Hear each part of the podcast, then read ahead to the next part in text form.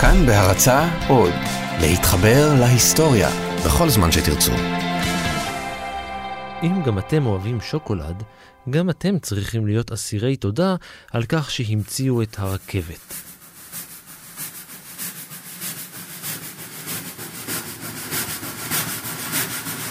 רכבת, אומרים בוויקיפדיה, היא כלי תחבורה יבשתי המשמש להובלת נוסעים ומטען על גבי מסילה. יש רכבות מהירות, ויש רכבות רגילות, יש רכבות תחתיות, ויש פרבריות, יש רכבות שנוסעות במהירות מטמטמת, ויש רכבות בגרביונים. הרבה עבר על הרכבות מאז הומצאו בתחילת המאה ה-18, כשבפעם הראשונה בהיסטוריה, ב-21 בפברואר 1804, קטר רכבת הוביל פחם ממכרה אל מפעל מתכת במרחק 15 קילומטר. זה לקח לו כמעט שעתיים. מאז התפתחו המנועים, והרכבות נעשו גורם משמעותי בהיסטוריה.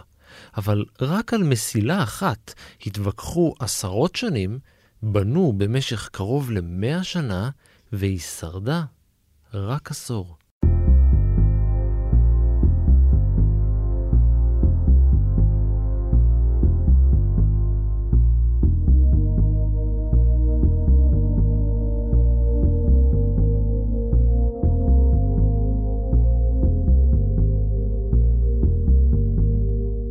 אני ערן מנהר ואתם על מנהר הזמן. מדי פרק אנחנו מספרים לכם על מקרה שקרה בעבר מזווית שכנראה עוד לא הכרתם. הפעם אני מציע לכם לארוז טוב, לתפוס מקום ולהיחגר היטב, כי הפעם אנחנו עולים על מסילת הרכבת הקשוחה ביותר בעולם. ברוכים הבאים לאקוודור.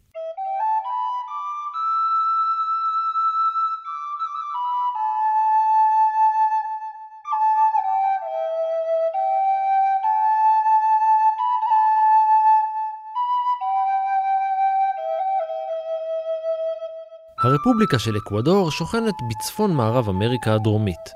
בעבר ישבו בה שבטי הילידים של המקום, שברבות השנים התאחדו להיות אימפריית האינקה במאה ה-15. אחרי מאה שנה הגיעו הספרדים, ואחרי שלא מצאו את הזהב של האימפריה המסתורית, החליטו להישאר. אקוודור עצמה השיגה עצמאות ב-1820, אבל זו לא הייתה עצמאות של ממש. היא הייתה חלק מקולומביה הגדולה, ועברו עוד עשר שנים עד שאקוודור, שקו המשווה עובר דרכה, זכתה לעצמאות מלאה. אקוודור היא המדינה הראשונה בעולם, ואולי היחידה, שהחל מ-2008 מכירה בזכויות הטבע עצמו והמערכת האקולוגית במסגרת החוקה שלה. ויש לזה סיבה, האקולוגיה האקוודורית מגוונת ועשירה. צומחים שם צמחים בסכנת הכחדה, וחיים שם בעלי חיים שהולכים ומתמעטים. מכירים את איי גלפגוס? הם חלק מאקוודור. העושר הביולוגי של אקוודור, והרי האנדים במיוחד, הפכו למרכזו של ויכוח אדיר שמתנהל במדינה כבר יותר ממאה שנה. מקורם של האנדים נוצר על ידי תנועה של לוחות טקטונים. זו אלכסנדרה כהן, ילידת אקוודור. באזור של האנדים יש 20 הרי געש, החשוב ביותר, הגבוה ביותר, זה הקוטופקסי, שנמצא כשעתיים מקיטו, עיר הבירה באקוודור, והוא אקטיבי. והפעם האחרונה שהוא היה בפעילות היה 1904. עכשיו, בנוסף לזה, יש לו כל כך הרבה חשיבות מבחינת אה, הידרוגרפיה וגיאולוגיה בערי האנדים, שגם כל מקום שעובר, שעבר, בוא נגיד ככה, יש לו את החשיבות שלו, אם זה פרו, אם זה בוליביה. המקומות גם עם הרבה שלגים, אז עובר, נגיד המים יורדים. לדוגמה, יש לנו את הטיטיקקה שזה בבוליביה. גם חלק מהמים האלה מגיעים לאמזונס עצמו. מבחינת דת, אה, היה, כמו שאמרת, העניין של האינקאס היו לפני. הם מאוד מאוד, החשיבות שלהם מבחינת אלוהים, זה היה כל מיני אלים. אם זה השמש, אם זה הירח. גם מבחינת אה, ערים, הכל, כל דבר בשבילם זה היה מאוד חשוב מבחינת דת. הרי האנדים הם רכס ההרים היבשתיים הארוך ביותר בעולם, 7,000 קילומטר, והם מתנשאים לגובה ממוצע של 4,000 מטר. הפסגה צ'ימברואזו היא הנקודה על כדור הארץ הרחוקה ביותר ממרכז הכדור. משמעות המילה אנדים לא ידועה, אבל כמעט כולם מסכימים שככל הנראה היא מגיעה מהמילה אנטי, שמשמעותה היא מזרח, לציון אחד מגבולות אימפריית האינקה. זה אה, מילה בקצ'ואה. מילה בקצ'ואה, שזה, שזה השפה בזמנו של הילידים. ואנטי זה גבוה, זה הר גבוה, אז משם יוצא השם קורדיירה דה לוס אנדה, שזה כל הרצועה הארוכה הזאת. והנה, אנחנו מגיעים לשוקולד. הקקאו הוא צמח מפונק. הוא צומח רק על יד קו המשווה, ולמרות שהיום 70% מהקקאו בעולם מגיע מאפריקה, מקורו של עץ הקקאו הוא במרכז אמריקה. אנשי המאיה והאולמק צרכו אותו כבר לפני יותר מ-5,000 שנה, והוא מלבלב גם על גבעות האנדים באמריקה הדרומית. טיפחו אותו ועשו ממנו אלכוהול ומשקאות קקאו טקסיים. כשהספרדים הגיעו, הם טעמו את טעם השוקולד בפעם הראשונה. זו הייתה קציפה עשירה מאבקת קקאו עם וניל ותבלינים שנמסה להם בפה. מוקטזומה השני, מלך האצטקים, היה אוכל 60 מנות כאלה מדי יום. הספרדים היו מחושפים. הם הפיצו את הצמח לשאר העולם, להודו, לפיליפינים, לאסיה ולאפריקה, ועד המאה ה-17 המשקה הפך להיות פופולרי בכל אירופה כולה. ב-1830 קמה אקוודור.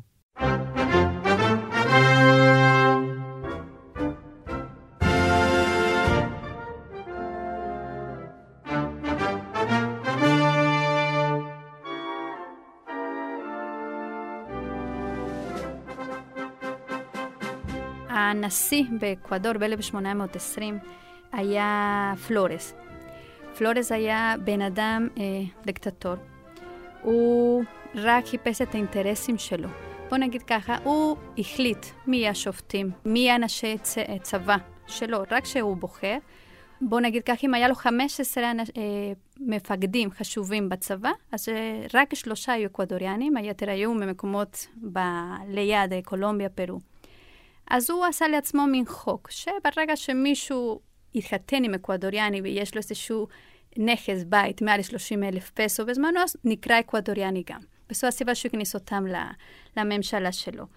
לא היה אפשרות אה, חופשיות בדיבור, כולם היו צריכים להיות תחת המנדט שלו, ולאט לאט העם התחיל לקום נגדו, היה מרד. ב-1845 קמה אה, קבוצה ליברלית נגדו והתחילו מהומות מאוד מאוד גדולות באקוודור. בוא נגיד ככה, שהוציאו אותו מה, מה, מהמנדט. כל נשיא יכול לשלוט כארבע שנים. אז הוא כל פעם ניסה דרך הקונגרס ל... לעשות עוד כמה שנים. ש... נשיא יכול להגיע עד 12 שנים במנדט, וזאת אומרת, אף אחד לא יכול להיכנס. אז הוציאו אותו בעיקרון, ואז משם התחיל, ב... בספרדית זה קוראים לו רבולוציון מרסיסטה, שבעיקרון קבוצות אחרות נכנסו, ואז הוציאו אותו מה... מהמקום.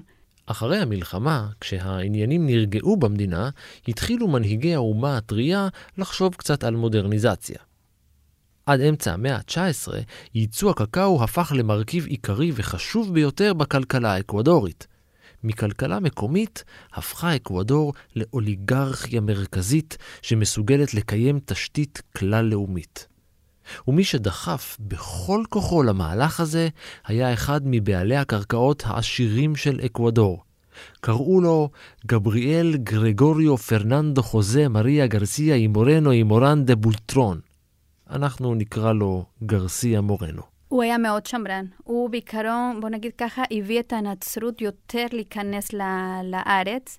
אה, הוא חשב שברגע שנכנס הדת, יהיה יותר מסודר, יותר טוב לאקוודור. ואז הכניס כל מיני דתות, כמו החסואיטס וכל מיני מקום, אה, אנשים אחרים קשורים לדת, וממש, כאילו, בוא נגיד, אה, הגדיר שאקוודור יהיה נוצרי. הוא גם נתן יותר אפשרות לחופש דיבור, מה שלא היה לפני. זה הפך אותו למאוד פופולרי. כל כך פופולרי, שבשנת 1861 הוא הפך לנשיא אקוודור. פעמיים. תחת שלטונו הפכה אקוודור למובילה במדעים ובחינוך בקרב כל מדינות אמריקה הלטינית. הוא עמד עמידה איתנה ותקיפה נגד שחיתות, ואת השכר שהוקצה לו כנשיא, הוא תרם לצדקה. הוא היה בן אדם שאהב לכתוב, היה כותב, הוא מאוד לו היה לו הלימודים, את כל העניין של הלימוד לאנשים, והוא החליט שזה צריך לקדם. נשמע כמו המנהיג המושלם, אבל יש גם מי שטוען שמדובר בדיקטטור במסווה, שהפופולריות שלו נבעה מתוך פחד ולא מתוך סימפתיה. חלק מהאנשים אה, חשבו שהוא באמת מנהיג מושלם, וחלק מהאנשים חשבו שהוא סוג של דיקטטור. משמעות המודרניזציה של אקוודור הייתה רישות של כל המדינה בדרכים, כבישים ומסילות ברזל. מורנו הורה על הקמת קו רכבת לאורך החוף, אבל הרכבת שלו מעולם לא הגיעה אל התחנה.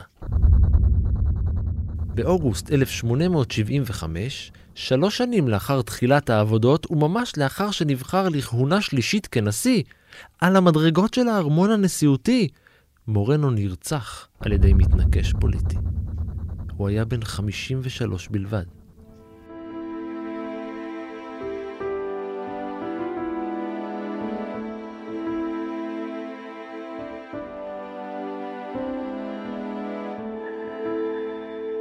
שם נעצר הרבה דברים שהוא ניסה לעשות באקוודור. חלק המשיכו עם הדרך שלו, חלק לא. כמו שאמרת, גרסיה מורנו היה מוכר בהרבה מקומות.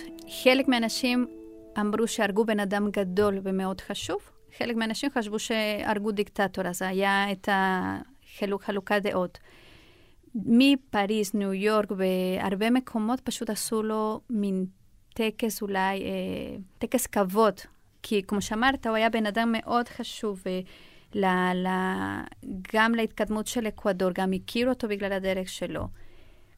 אה, היה הפסד גדול, אני חושבת, בזמנו, לאקוודור ברגע שהוא הוריד אותו ככה.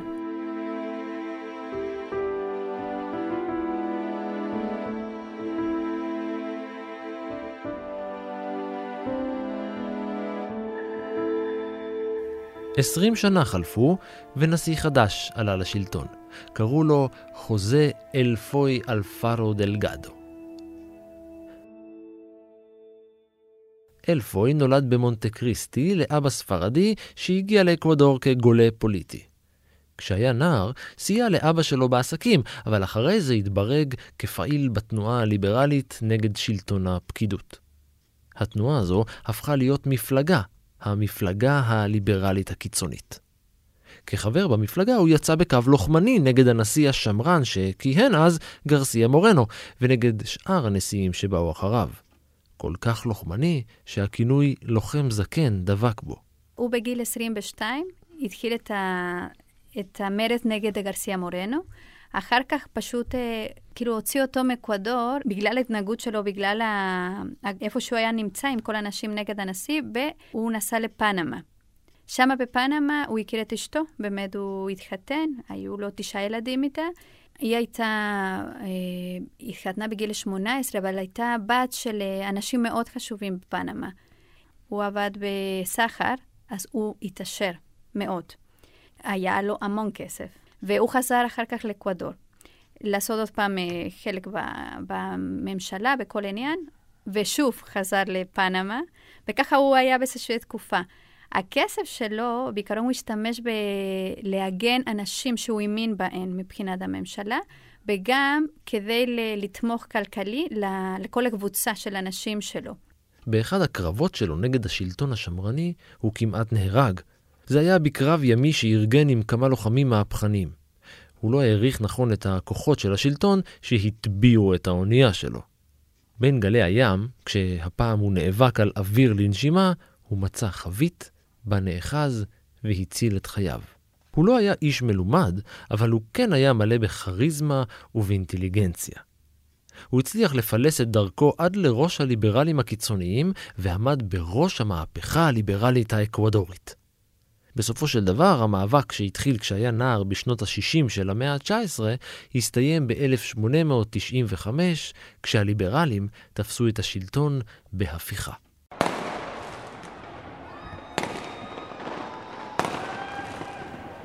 הנשיא וינסנט סלזר הודח, ואלפוי אלפארו הכריז על עצמו כדיקטטור.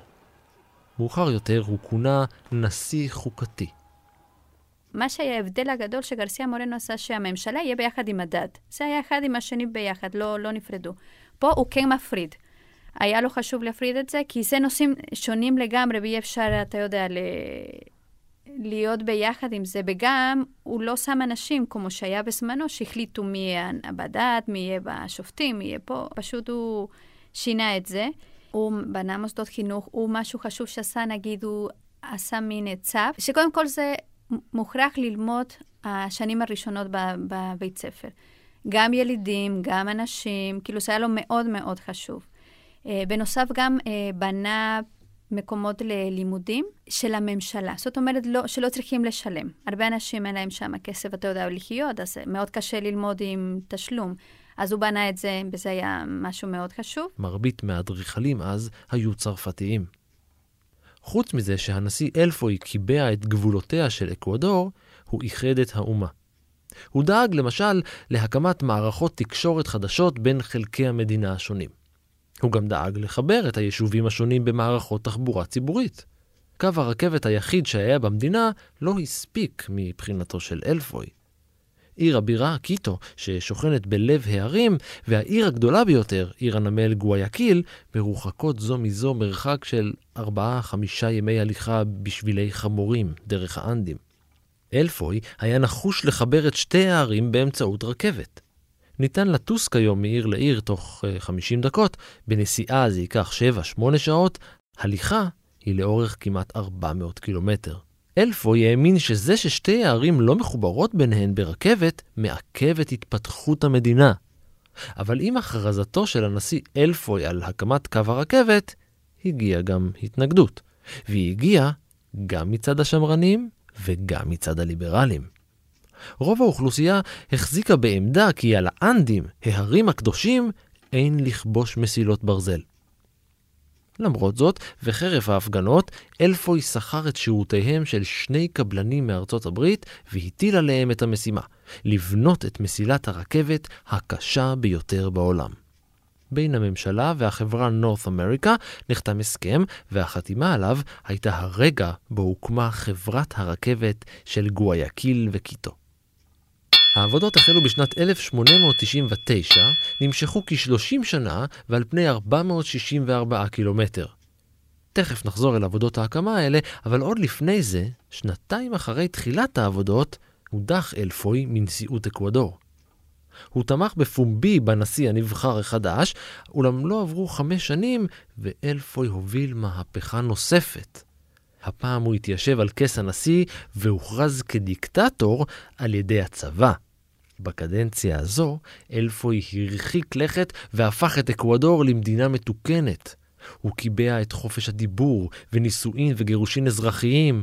זה די עצבן את הקתולים השמרנים. הוא הקים בתי ספר חילוניים וקבע את העיקרון של חינוך חילוני חינם לכולם. גם זה הרתיח את הקתולים. הוא לא הפסיק בזה, והוא המשיך ודיכא את השפעתה של הכנסייה הקתולית. הוא הלאים את מרבית הנכסים שלה, סילק מסדרים דתיים ואסר על הקמת מנזרים.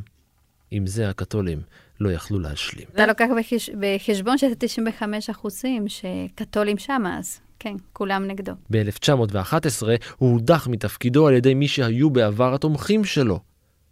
עוד באותה השנה הוא ניסה שוב לבצע הפיכה ולתפוס את השלטון. אבל הוא כשל. הוא נתפס סמוך לגוויאקיל ונשלח לבירה קיטו על מסילת הברזל אותה הוא דאג להקים. היה לו כן ניסיון נוסף, אבל אה, בוא נגיד ככה, הוא שוב אה, נשלח לפנמה, עוד פעם לשמה. הוא הוגלה לפנמה וחזר רק בתחילת 1912. ודווקא שהוא מנסה לחזור כדי להיות האיש קשר בין הממשלה לקבוצה שלו, אה, לא, לא הצליח, פשוט תפסו אותו. הוא ניסה שוב למרוד, והפעם נכנס לכלא. בינואר פרצו אל הכלא קבוצה של חיילים פרו-קתולים והמון זועם. הם תלשו את אלפוי וכמה מתומכיו מתוך התאים שלהם וגררו אותם ברחובות העיר עד למרכז. כשהגיעו לפאתי העיר הצפוניים, האסירים כבר היו מתים. ההמון שרף את גופותיהם.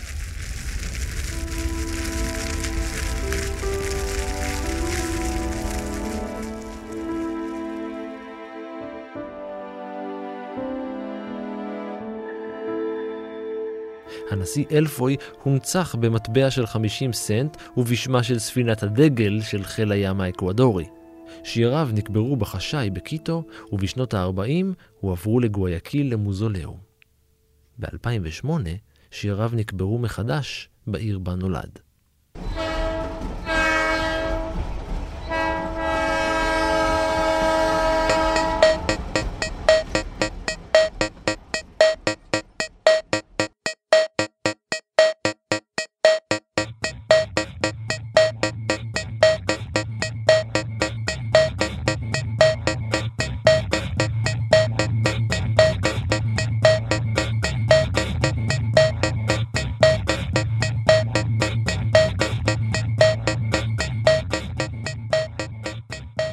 העבודות להקמת קו הרכבת הקשה ביותר בעולם התחילו עם אלפי פועלים זרים שהובאו לאקוודור מפוארטו ריקו ומג'מייקה. למה קשה? הרי שתי הערים מרוחקות זו מזו פחות מ-300 קילומטר בקו אווירי. העניין הוא הפרשי הגובה בין השתיים. כיאה לעיר נמל, גוויאקיל שוכנת בגובה פני הים, אבל קיטו נמצאת בגובה של כמעט שלושה קילומטר. יותר מזה, בין שתי הערים מפרידים נהרות שוצפים, גאיות עמוקים, יערות, מדרונות צלעיים, פסגות עם ראות לקויה, בקיצור, לא המקום האידיאלי לרכבת. רחוק מזה. באחד הקטעים בתוואי המסילה, הרכבת צריכה לטפס 500 מטר לאורך 12 קילומטר בלבד. לנקודה הזו קוראים האף של השטן, והיא הנקודה המפורסמת ביותר של הרכבת. יש לו את הצורה כזאת. הם אה, גם ברגע שבנו שם, צריכים, תתאר לעצמך, צריכים לעשות מין סיבוב, והרכבת צריך לעלות בצורה כזאת. זה משהו מאוד uh, מוכר. נריס דל דיאבלו זה יותר כרגע תיירותי. זה משהו שמאוד מאוד אוהבים לבקר ולעשות, ועושים להם כל מיני... בסוף המאה ה-19 נערכו הניסיונות הראשונים להקמת הקו.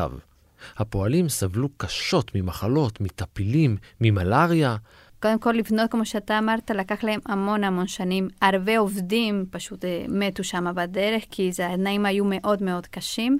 מחלות וגם אה, קור, או גם השמש נורא חזקה. אה, לא פשוט, לא פשוט היה. התשתית שבנו לאורך התוואי שבה ונהרסה בהצפות, בסופות, במפולות, במה לא. הקמפיין הארוך להקמת הרכבת, שזכתה לשם טרנסנדינו, דרך האנדים, נמשך כמעט עשר שנים. וב-1908, אחרי אלפיים פועלים הרוגים ושני נשיאים שנרצחו, נחנך סוף סוף הקו שנקרא אל בואנו אל רפיד. הטוב והמהיר. 36 שנה לאחר שהחלו העבודות הראשונות על הרכבת באקוודור.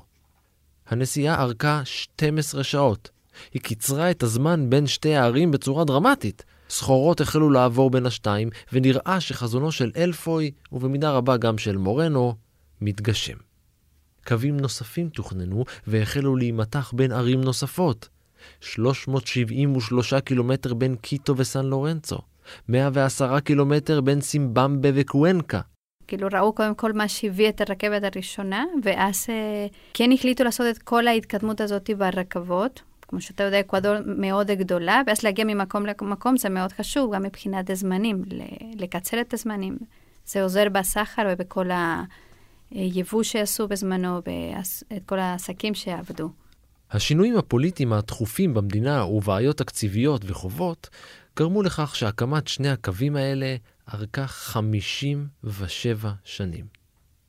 קו הרכבת האחרון נחנך בשנת 1965, אבל לאורך כל השנים המשיכה הרכבת לתפקד. נוסעים וסחורות עברו ברחבי המדינה, ובשנות ה-20 נרשם תור זהב של רכבת האנדים. מערכת מסילות הרכבת השלמה שרדה עשר שנים בלבד.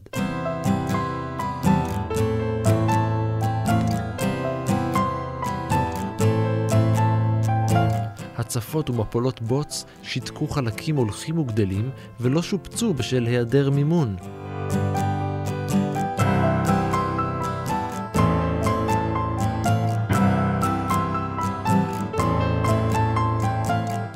לאט לאט נסגרו קווים, ובשנות ה-70 הופסקה סופית התחזוקה בשל חוסר מימון. ב-1998, הודות לאפקט האל ניניו, נהרסו סופית חלקים נרחבים במסילות האחרונות שנותרו.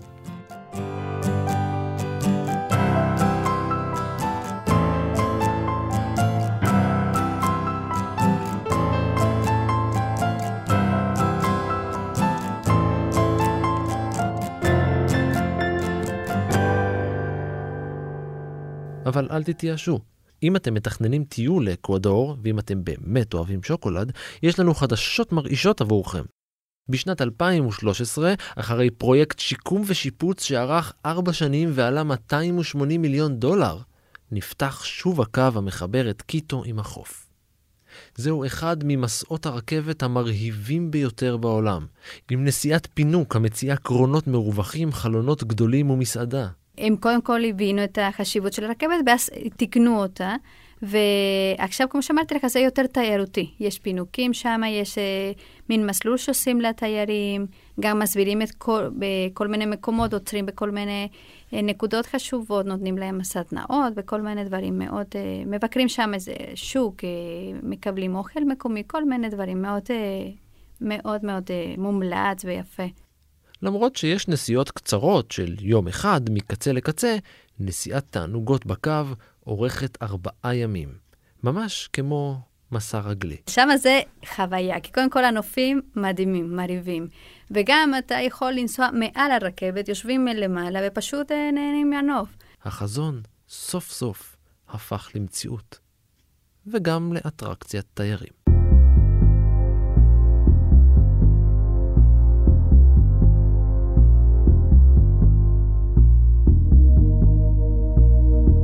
ועד כאן מנהר הזמן להפעם. תודה לאלכסנדרה כהן, תודה גם לאור מנהר שהיה על ההפקה ותכנן הפיכה, ולניר גורלי שהיה על העריכה וחיכה בסבלנות בתחנה.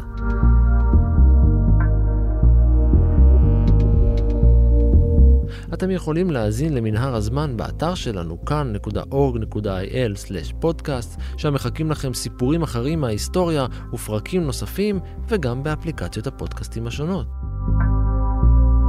אתם יכולים לעקוב אחריי ברשתות החברתיות, בפייסבוק ובטוויטר, להגיב, להציע רעיונות, ובכלל, להתחבר. אני ערן מנהר, נשוב וניפגש בפרק הבא.